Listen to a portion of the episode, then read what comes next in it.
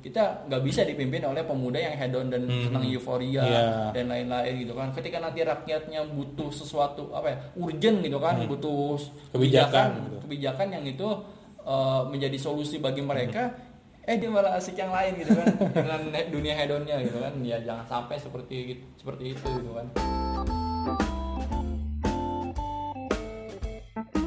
Selamat datang di Sudut Kehidupan Podcast. Podcast yang akan membahas berbagai macam problematika kehidupan dari sudut pandang yang berbeda. Semoga kita bisa menghiasi ruang dengar dan menginspirasi kawan-kawan semua. Selamat menikmati.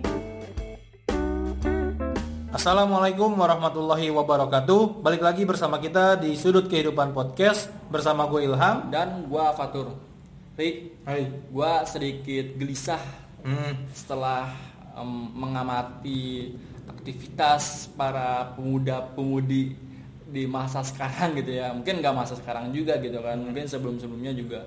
Jadi gini eh, ya pemuda sekarang itu disibukkan dengan hal-hal yang gua rasa kurang produktif gitu kan. Iya. kurang pro- produktif. Kenapa gitu kan? Ya tadi gitu kan.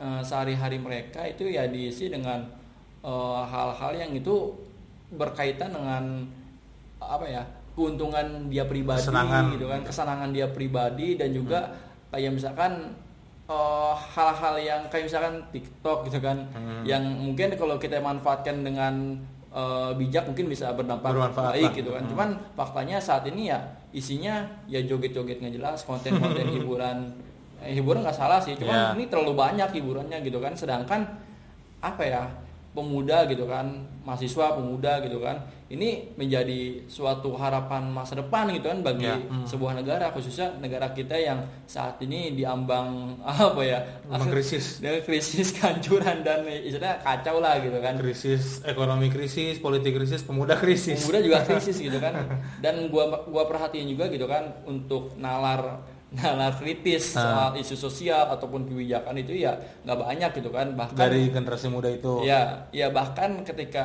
aksi ya kan Hmm. banyak juga ya mahasiswa atau pemuda sekarang yang itu turun aksi dan aksinya itu di eh, nggak nggak sedikit juga Iya. yang turun itu ya hanya pengen pansos gitu kan nggak ngerti nggak ngerti dari sub- Substansi. substansi dari apa yang mereka suarakan gitu kan Hmm. yang penting dapat pansos dapat konten terus viral dan lain-lain gitu kan ya itulah gitu kan dan Syukur-syukur dapat jodoh. Syukur. dan dan ini apa sedangkan kita eh, di masa yang akan mendatang itu akan menghadapi yang namanya eh, bonus demografi gitu Ya. kan yang di mana memang kurang eh, apa pemuda itu jumlah pemuda gitu kan itu lebih banyak daripada jumlah orang tua gitu kan dan di sana akan nanti gitu kan peran pemuda itu ya vital gitu kan. Mereka yang akan nanti memimpin gitu kan memimpin eh, negara gitu kan mem- memimpin negara dengan ya dengan apa ya ya majulah gitu kan nggak nggak seperti sebelumnya gitu kan jadi harapan gitu kan lebih baik dari sebelumnya cuman kalau lihat dari representasi sekarang itu gelisah banget gitu kan untuk step ke sananya agak agak sulit gitu Nanti kan. di apa namanya di gedung pemerintahan pada main TikTok. malah bikin konten bukan Gua lagi ngesahin, rakyat gitu gua kan. lagi ngesahin undang-undang nih, gila. Ya, aduh, sambil lagunya bip bip bip, bip calon mantu Atangnya Bang Jago. Aduh.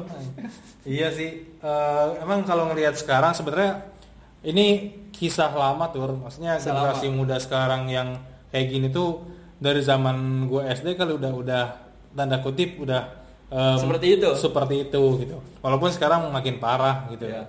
Jadi eh, kalau lihat generasi muda bahwa seharusnya generasi muda ini menjadi tonggak bagi sebuah peradaban gitu. Iya. Baik bagi sebuah peradaban atau bagi sebuah negara gitu. Hmm. Nah, eh, ibaratkan tonggak itu kan tiang gitu. Kalau tiang aja lemes, letoy, istilahnya main TikTok gitu kan bingung juga gitu. apalagi istilahnya. komponen yang lain ya apalagi yang lainnya gitu. Tapi bukan berarti menyalahkan juga orang orang yang apa namanya hiburan main TikTok atau apa bukan gitu. Hmm. Cuman eh, jangan sampai hal-hal yang kayak gitu membuat kita nggak produktif. gitu. ya membuat kita lalai dan apa namanya Kehilangan waktu lah sayang Hmm. banget gitu. menye- menyampaikan hal yang itu lebih utama gitu Ya, apalagi tadi lu bilang sekarang itu bahwa eh, negeri kita sedang siap menghadapi apa bonus, Bonus demografi, demografi. yang di mana eh, usia produktif muda itu lebih banyak daripada usia senja gitu. Hmm. Nah, dalam artian nanti di 2045 katakanlah seperti itu, eh, anak-anak yang umuran kita nanti kan bakal menjadi apa ya istilahnya orang-orang di atas lah gitu. Ya eh, mungkin ada yang jadi pejabat ya kan, ada yang jadi Tokoh, eh, atau tokoh, ada yang jadi istilahnya pengusaha atau apalah kayak gitu. Iya. Artinya kan dia yang megang eh, situasi politik, ekonomi, kehidupan bernegara saat ini. Gitu. Mereka yang berperang gitu kan. Iya gitu. Nah kalau misalkan kita lihat apa namanya kondisi pemuda saat ini nanti eh, masih rusak gitu, Iya. atau misalkan nggak beres, nanti gimana ngelola negara kan gitu. Sekarang udah krisis ya makin krisis lagi. Gitu. Harapannya kan pemuda yang menjadi solusi Iya. gitu kan. Ah. Tapi pemudanya aja dilemahkan atau melemahkan gitu kan. Pemudanya pemudanya nggak punya power gitu. Iya, perang power. Nah, memang kalau dari bonus demografi itu eh, ini bisa dibilang ada positif ada negatif. Iya. Bukan bukan positif dan negatif ya, ada peluang. Istilahnya ada peluang sama yang satu tuh apa ya yang bisa menyebabkan kerusakan lah gitu. Hmm. Atau misalkan ancaman lah Dampak gitu, negatif dampak ya. negatif gitu. Jadi peluang itu ketika generasi mudanya eh, secara intelektual bagus, secara moral bagus, kemudian juga dia punya karya gitu, Iya. kemudian juga dia bisa eh, punya kapasitas keilmuan yang tinggi, Iya. itu peluang untuk negeri kita itu lebih maju lagi gitu, lebih kuat lagi. Tapi ini bisa menjadi Bumerang. eh, bumerang gitu istilahnya yang merugikan Ya. ketika generasi mudanya itu nggak punya eh, kompetensi keahlian gitu kemudian juga hanya sebatas eh, apa namanya konsumtif gaya hidupnya Iya, gitu iya. jadi mau mau apa istilahnya apa yang mau diharapkan untuk generasi muda saat ini gitu sementara orang di luar sana sebenarnya mengharapkan generasi muda saat ini nanti memimpin dunia gitu atau minimal memimpin negeri lah memimpin peradaban Iya, iya, iya. kalau menurut lu gimana? Lu kan kata- tadi katanya gelisah gitu. Apa sih yang lu gelisahin gitu selain eh, kondisi mahasiswa eh kondisi pemuda yang eh, main TikTok atau yang gak produktif gitu. Iya gitu kan karena pemuda itu kan harapan suatu bangsa gitu kan dan pemuda itu adalah eh, masa-masa keemasan gitu masa produktif dan ideal lah katakanlah gitu kan. Dari satu sisi dari apa fisik gitu kan dari akal yang sempurna fisik yang benar-benar eh, apa ya ideal gitu kan kuat gitu kan. Kalau orang tua kan mungkin agak ada sakit-sakitan gitu. Itu jadi eh, ideal lah gitu kan. Dan harapannya itu mereka menjadi apa namanya itu sosok eh, eh, muncul jadi sosok pahlawan gitu kan Ya. bagi masyarakat gitu kan. Karena ma- masyarakat itu masyarakat yang sekarang itu eh, memimpikan gitu kan mencari sosok sosok yang itu bisa menjadi apa ya harapan Pelindung. pelindung mereka gitu kan. Dan akan menjadi mengubah keadaan gitu kan menjadi lebih baik lagi gitu kan.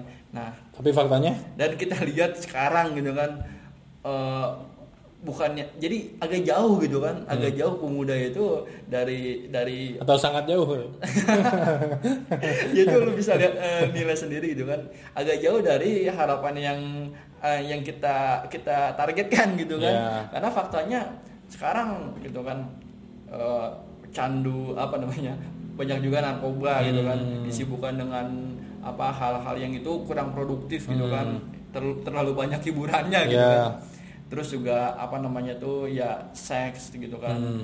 pergaulan bebas bucin gitu Eh, apa namanya tuh ya mabok-mabokan Ya. gitu kan apalagi ya terus juga gaya hidup gaya hidup tuh kayak misalkan konsumtif tadi Ya. gitu kan dan hedon Hedon. hedon jadi ya ya pokoknya gue Senang-senang lah senang gitu. aja gitu kan nggak peduli di luar itu kondisi se apa sekacau apa pun yang penting kalau gue sendiri masih bisa punya kuota dan searching ataupun masih masih bisa Masih bisa YouTubean. masih bisa bikin konten Nah. dalam artian Insta Story gitu kan masih bisa San Mori kan? Minimal WhatsApp story lah gitu. masih masih bisa San Mori terus Iya. Insta Story gitu kan nggak nggak peduli di di pinggir sana lagi demo omnibus law gitu kan, gitu misalkan ada yang apa namanya eh, kehilangan pekerjaan atau apa gitu yang penting gue masih bisa bikin konten gue senang gitu. Iya itu. Terus belum lagi dari segi eh, pemikiran gitu kan. Hmm. jadi pemikirannya ini ya eh, apa ya terjajah gitu kan. Terjajah itu dari contohnya terjajah tuh gimana? Ya gaya gayanya barat ya. Hmm. gayanya barat gitu kan. Kayak misalkan gaya hidup konsumtif gitu kan. Gaya hidup uh, hedon gitu Iya. kan. Dan itu seks seks, Sex, bebas, drugs, and rock and roll. eh, dugem dan lain-lain gitu kan.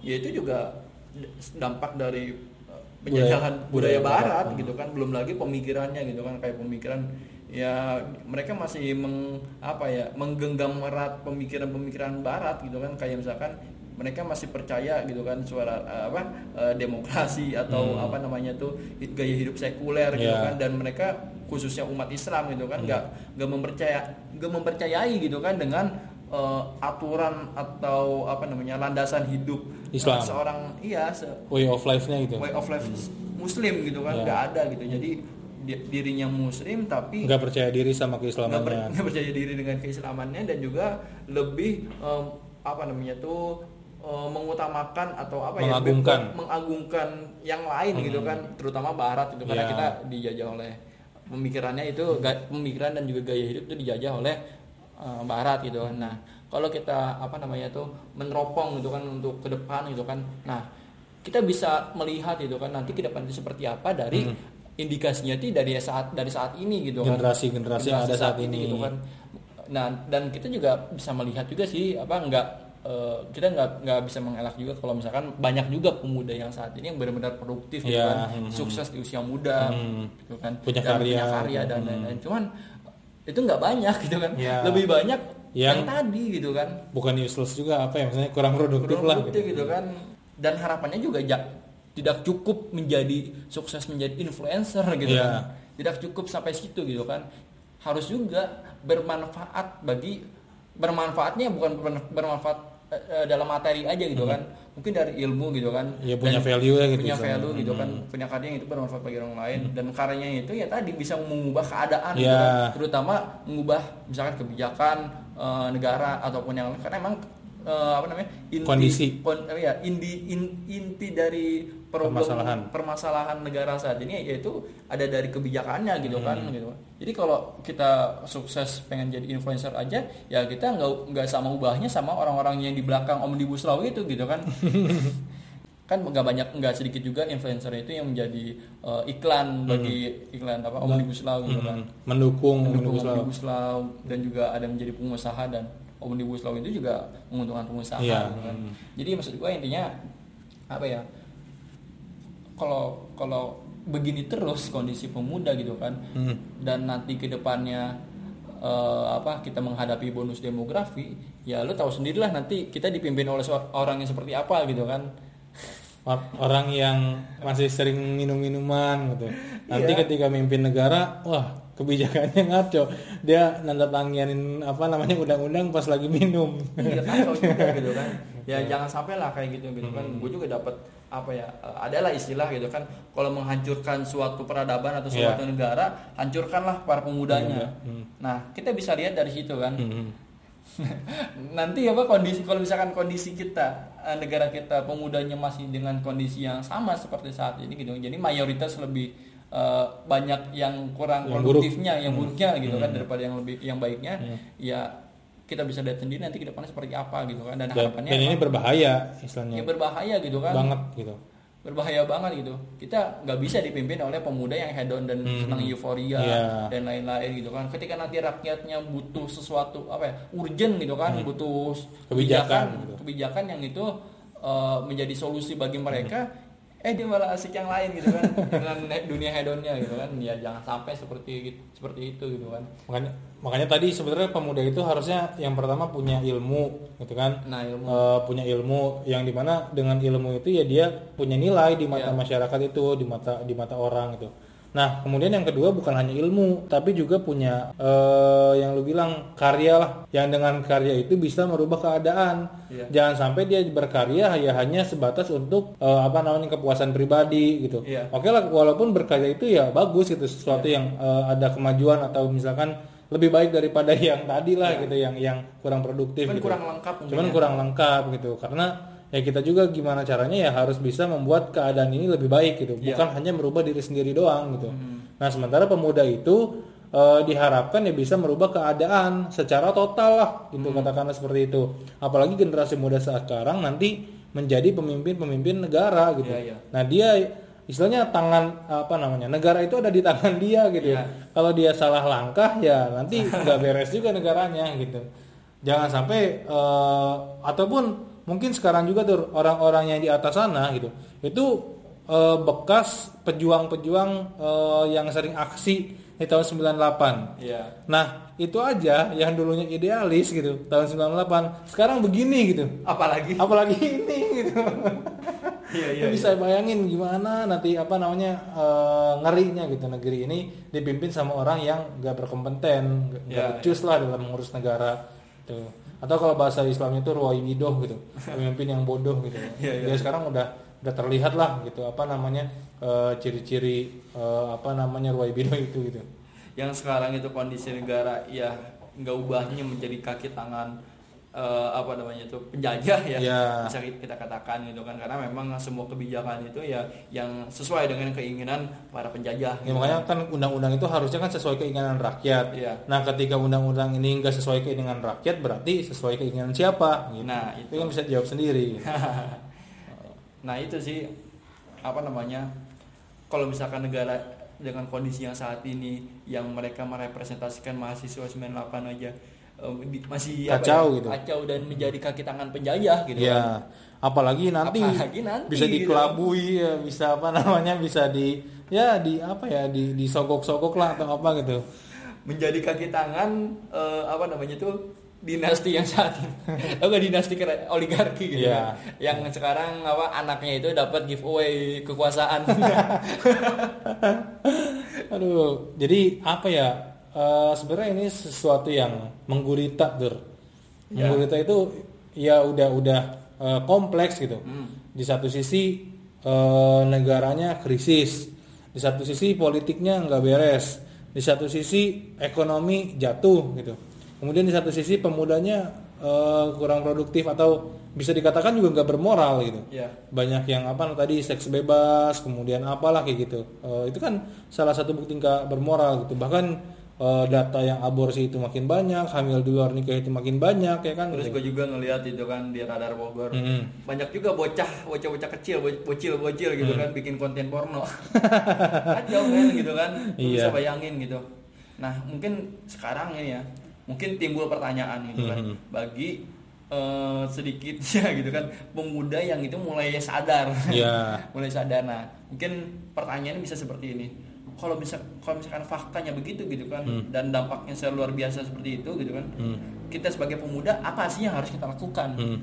Nah, lu gimana ada pendapat atau jawaban seperti apa kalau gue sih yang pertama itu yang paling berpengaruh itu pendidikan tur pendidikan Jadi eh, gimana caranya pendidikan itu bisa membuat eh, peserta didik lah katakanlah generasi muda ini pertama punya punya punya pikiran yang visioner ya atau punya pemikiran yang eh, bangkit lah gitu, yang berbeda dengan yang lain. Ya tadi lah punya punya visi, punya tujuan. Iya, gitu. Po- apa namanya seorang yang punya target gitu. Nah eh, kemudian setelah dia memiliki visioner tadi gitu, dibangunlah kepribadian gitu. Iya. Nah kalau orang udah punya pikiran yang bagus, yang visioner, kemudian ditunjang dengan kepribadian yang baik, Ya. yaitu punya nilai plus gitu. Di satu sisi dia intelektual, di satu sisi dia santun gitu. Bukan, bukan seperti sekarang, di satu sisi dia bego di situ, di moralnya digoblok gitu. komplit Komplit gitu istilahnya. Itu kan bingung juga gitu. Nah, jadi eh, apa namanya kepribadian itu penting istilahnya. Nah, dari dari eh, pola pikir, kemudian pola sikap, Pola sikap. gitu istilahnya. Nah, setelah pola pikir dan pola sikap terbentuk, nanti akan muncul eh, apa namanya inovasi-inovasi yang dia bikin. Entah dia pengen berkarya, entah dia pengen membuat apa ya istilahnya menyelamatkan eh, masyarakat atau apa gitu. Karena dia pola pikirnya udah jauh gitu, udah beyond Iya. gitu, udah udah lebih dan pola sikapnya dia eh, peduli gitu, nggak nggak individualis, Nggak apatis. nggak apatis gitu. Karena tadi pola pikirnya udah cemerlang, pola sikapnya peduli dengan masyarakat. Itu sih dua gitu ya. Itu tercipta dari pendidikan pertama. pendidikan Tuh. terus apa lagi Nah, eh, pendidikan apa yang harus dibangun? Kan itu pertanyaannya gitu. Hmm. Pendidikan apa yang bisa membuat orang itu punya pola pikir dan pola sikap yang bagus, ya kan? Iya. Gitu. Nah, kalau dilihat pendidikan saat ini, gue nggak nggak bisa menjamin itu bisa mendidik orang seperti itu tuh gitu. Karena jujur, gue aja kuliah gitu.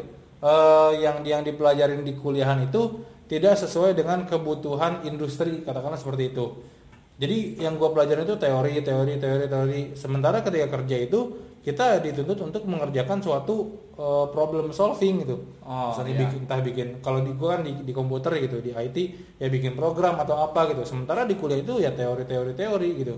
Nah Hmm. mungkin di orang lain pun sama gitu. Misalnya gue dengar cerita cerita orang ekonomi orang-orang apa namanya di di apa namanya fakultas-fakultas yang lain lah gitu yang lainnya kebanyakan di di sana diajarin teori gitu. Sementara praktek di lapangan itu eh sementara di dunia kerja itu adalah praktek lapangan gitu.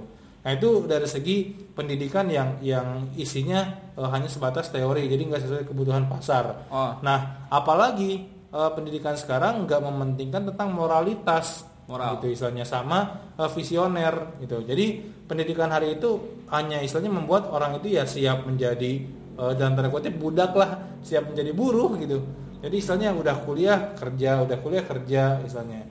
Nah, tapi pendidikan hari ini faktanya gue lihat tidak mengarah ke situ gitu iya iya hanya mendidik seseorang menjadi atau mempunyai kemampuan yang itu bisa dipekerjakan oleh eh, apa namanya apa ya para kapital lah katakanlah gitu lah menjadi Para- kaki tangan para menjadi- kapitalis. iya menjadi jadi cuman ke sana arahnya gitu. Siap. Jadi sekolah itu buat siap kerja. Menjadi Nah, budak dong budak korporat. Iya artinya bukan menjadi pemi- bukan menjadi pemimpin bukan atau apa dipersiapkan gitu kan. buat menjadi pemimpin atau misalkan orang yang punya karya orang yang punya inovasi Iya. itu yang jadi permasalahan. Nah gue lihat ada suatu sistem pendidikan yang itu sangat mumpuni dan dan apa namanya eh, cemerlang lah gitu. Iya. Eh, terbukti dari orang-orang cendikiawan pada saat itu gitu dia bisa menemukan suatu apa namanya ya penemuan baru Penemuan. gitu kemudian juga dia seorang polimet polimat itu dia paham salah satu bidang dan juga paham bidang yang lain gitu hmm. gitu contoh eh, apa namanya ini yang yang gue lihat gitu pendidikan ini adalah pendidikan secara islami iya jadi di dalam pendidikan Islami itu dididik pola pikir bagaimana cara berpikir kita itu eh, meyakini tentang eh, adanya sang pencipta, kita itu sebagai makhluk, kemudian juga apa namanya pendidikan ini apa ya memenuhi kebutuhan manusia lah seperti itu gitu. Nah kemudian yang kedua pola pikir, eh apa namanya pola Pola sikap. Sikap kita dididik, nggak boleh berkata kasar, nggak boleh apa namanya ya berbuat kemaksiatan atau keburukan gitu. Sehingga orang itu udah intelektual, kemudian terjauh eh, apa dijauhkan dari sesuatu yang bersifat buruk gitu. Nah akhirnya terciptalah seseorang yang mumpuni, kompeten tapi juga santun gitu istilahnya. Lihatlah eh, apa namanya penemu-penemu di zaman era kejayaan Kema- Islam. era gitu. kemasan. Iya, era kemasan Islam kayak misalkan Abbas ibnu Firnas yang menemukan pesawat pertama kali, kemudian Ibnu Haitam yang menemukan lensa yang Iya. sekarang jadi apa namanya kamera gitu, yang dipakai orang-orang bikin TikTok gitu. nah itu kan eh, apa namanya bukti penemuan dulu gitu. Kemudian Al Jazari yang bikin robot, kemudian apa namanya eh, Ibnu Khaldun, bapak apa namanya eh, sosiologi, Iya. kemudian juga banyaklah Ibnu Rus dan lain sebagainya gitu. Kemudian juga eh, ada yang bikin apa namanya sekolahan, ada yang bikin universitas, Universitas. gitu. Artinya kan itu di satu sisi dia menjadi unggul gitu, tapi secara sikap santun gitu. Hmm. Nah ini yang yang perlu di- dibangun gitu, agar menjadi pemuda yang ideal. Gua rasa kita butuh Islam. butuh Islam Iya, kenapa dalam Islam itu karena di Islam itu dididik agar menjadi seseorang yang eh, tidak melakukan keburukan. Gitu. Nah sebenarnya pangkal kesalahan dari generasi muda saat ini tadi itu karena tidak punya rasa takut dalam melakukan keburukan atau dalam tanda kutip kita sebut dalam Islam itu iman lah gitu. Nah imannya itu enggak apa ya istilahnya enggak menjadi benteng dalam dia melakukan perbuatan gitu. Makanya dia banyak yang seks bebas, banyak yang minum minuman, banyak yang narkoba atau apa gitu. Karena dia nggak nggak ngerasa itu sesuatu yang salah dan dan itu sesuatu yang takut gitu. iya iya Nah beda kalau misalkan seseorang itu sudah berpola pikir dan pola-pola sikap Islami, dia pasti takut melakukan hal yang seperti itu gitu. Dia pasti takut melakukan kemaksiatan gitu. Kayak misalkan dia dia takut buat minum minuman keras, dia takut buat apa namanya nge-seks gitu. Dia takut buat apa namanya mabok, eh, nyuri atau apalah kayak gitu. Dia takut buat melakukan hal itu. Nah impactnya ketika dia nggak melakukan hal itu, dia punya pemikiran cemerlang.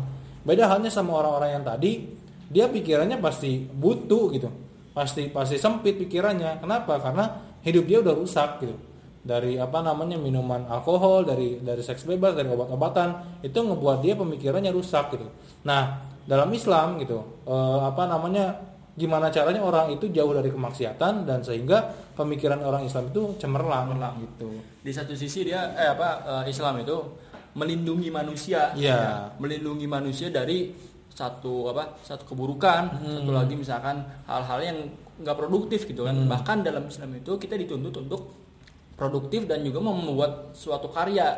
Yang bermanfaat. yang bermanfaat. Dan satu lagi gitu kan eh, itu pun juga tidak jauh dan harus berkaitan juga dengan ibadah. Jadi Ya. itu kalau dalam Islam itu namanya ibadah gitu kan. Jadi ibadah bukan hanya ibadah eh, ritual aja gitu kan. Apa, membuat suatu karya dan juga itu apalagi dampaknya ber- bermanfaat bagi masyarakat. Apalagi ini eh, apa karyanya ini dikenang sepanjang peradaban bahkan jadi amal jariah lah gitu sama jariah gitu kan namanya bahkan tertulis dalam tinta peradaban gitu Iya. kan tidak menjadi apa namanya itu ya Sampah peradaban. sam- sampah peradaban gitu kan jadi namanya itu dikenang sepanjang masa namanya gitu. harum dikenang pahalanya ngalir ya kan? Iya. alatnya bermanfaat Sa- dari se- apa satu sisi eh, dalam dalam Islam gitu kan Hmm. terlebih lagi kan tadi para ilmuwan tersebut kan eh, beragama Islam gitu Iya. kan satu sisi apa eh, dia taat menjadi muslim yang taat Iya. Hmm.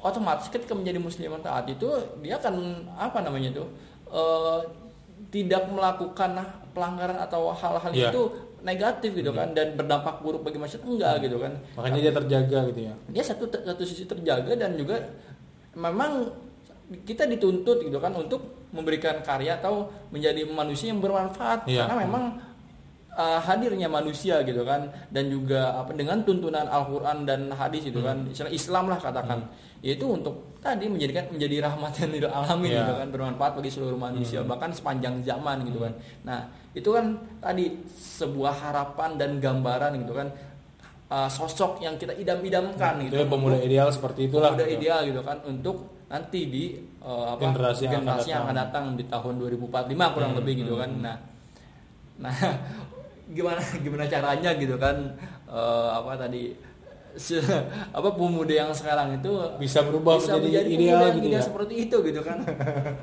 emang kan jauh ya Iya. mungkin kalau kita dari sekarang nah kalau gua sih ya Hmm. eh, step awal gitu kan Hmm. pertama kita mengubah diri sendiri gitu kan kita eh, berubah lah, Memperbaiki hijrah, diri, ya. memperbaiki diri itu kan hijrah gitu kan atau memperbaiki diri dan juga melayakan diri gitu Iya. kan menjauhkan diri dari hal-hal yang tadi kurang produktif ke hal yang sekarang eh, produktif Hmm. gitu kan satu tadi kan eh, menjadi apa namanya kita taat dalam beragama Iya. apalagi kan Islam itu kan ini ya eh, agama untuk istilahnya aturan hidup untuk seluruh, Seluruh manusia alam. seluruh alam seluruh alam gitu kan bukan hanya untuk satu kelompok atau Iya. golongan aja gitu kan rahmatan lil alamin gitu kan itu.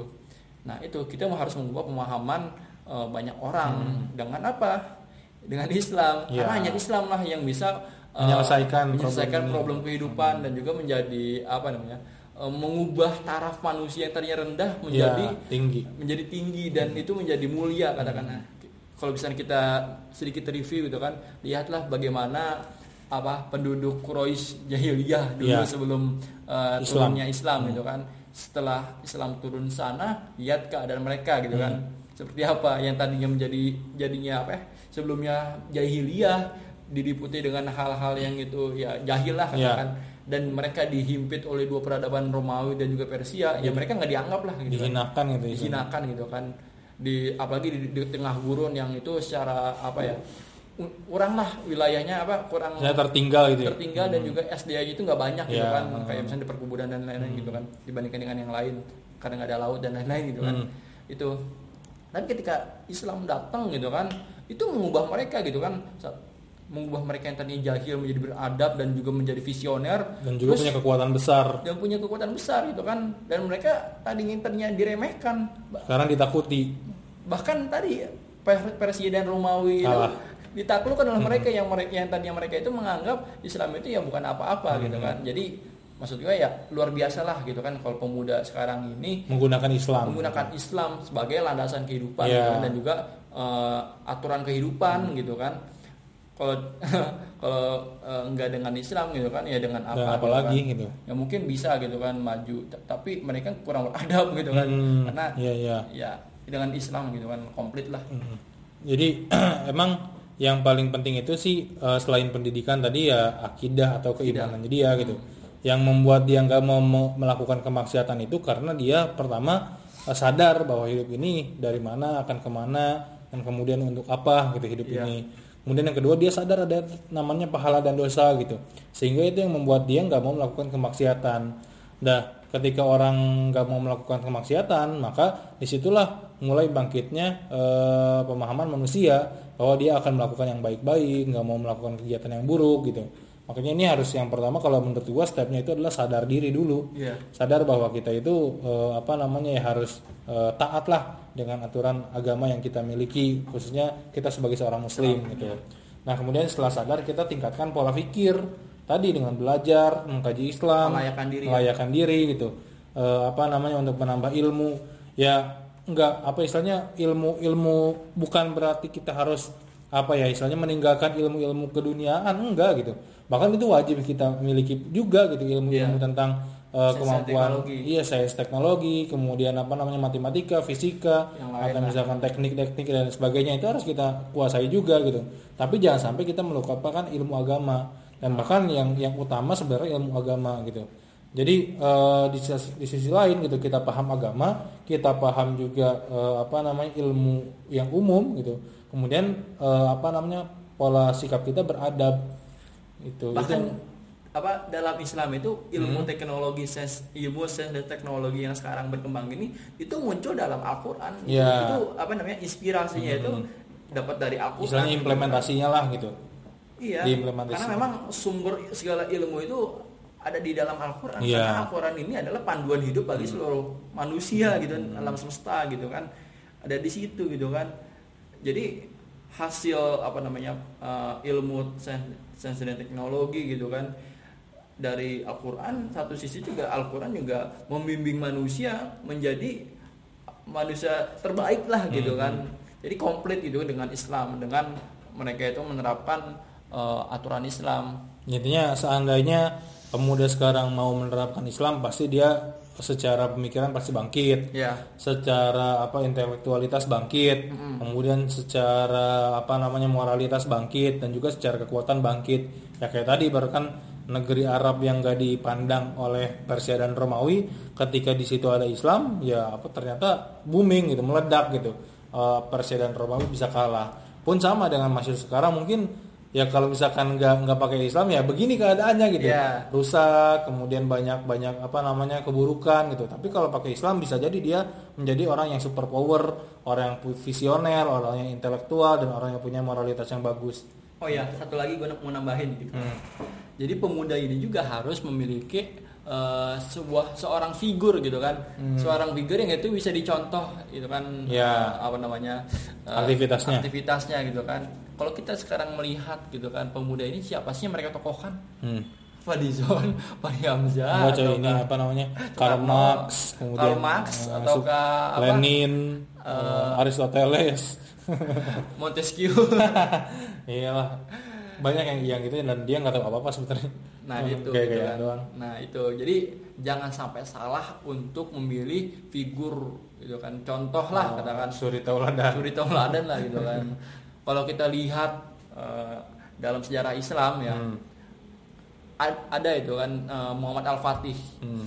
itu ketika, ketika umurnya 19 tahun gitu Hmm. kan sudah bisa me- menjadi seorang pemimpin gitu kan Ya. pemimpin yang itu mengakomodir seluruh pasukan gitu pasukan perang lah manajemen perang manajemen memanage dan Hmm. Logistik apa gitu. mengelola segala itu gitu kan dan di usia 21 tahun sudah menaklukkan sebuah kota yang itu dikuasai oleh sebuah peradaban gitu kan. Sekarang umur 21 gitu, eh, mahasiswa atau pemuda zaman sekarang bisa menaklukkan siapa gitu? bukan dia. Menaklukkan itu juga dia. ditolak Astagfirullahaladzim, jadi buaya. Jadi bucin jadi obat nyamuk. Iya gitu loh.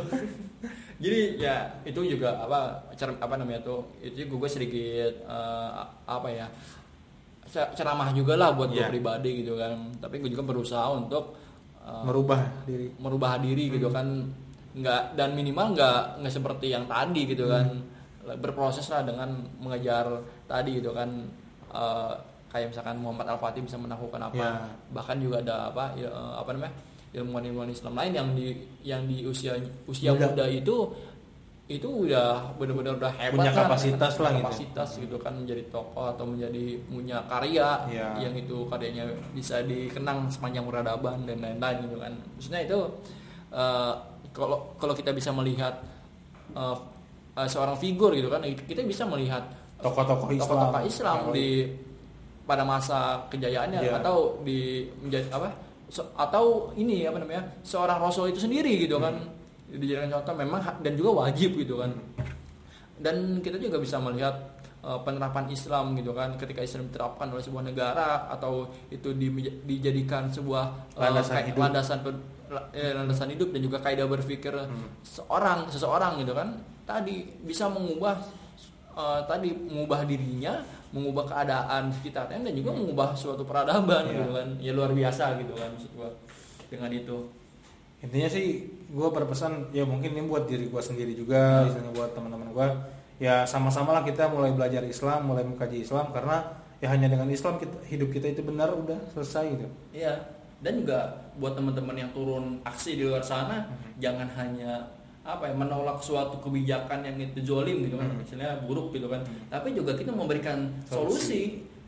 Solusinya apa gitu kan? Ya Islam gitu kan. Iya. Islam udah terbukti secara historis dan juga empiris gitu kan menjadi sebuah solusi gitu kan bahkan membuat suatu peradaban itu ya Berjaya. gemilang, berjaya gitu kan kayaknya kebanyakan nih gue ngomong cuman semoga ini ya Bisa dipahami gitu. efek kegelisahan Efek Ya, kegelisahan, gua juga sama sih gelisah gitu sama-sama apa namanya berpikir bahwa generasi muda ini harus diperbaiki lah gitu. Hmm.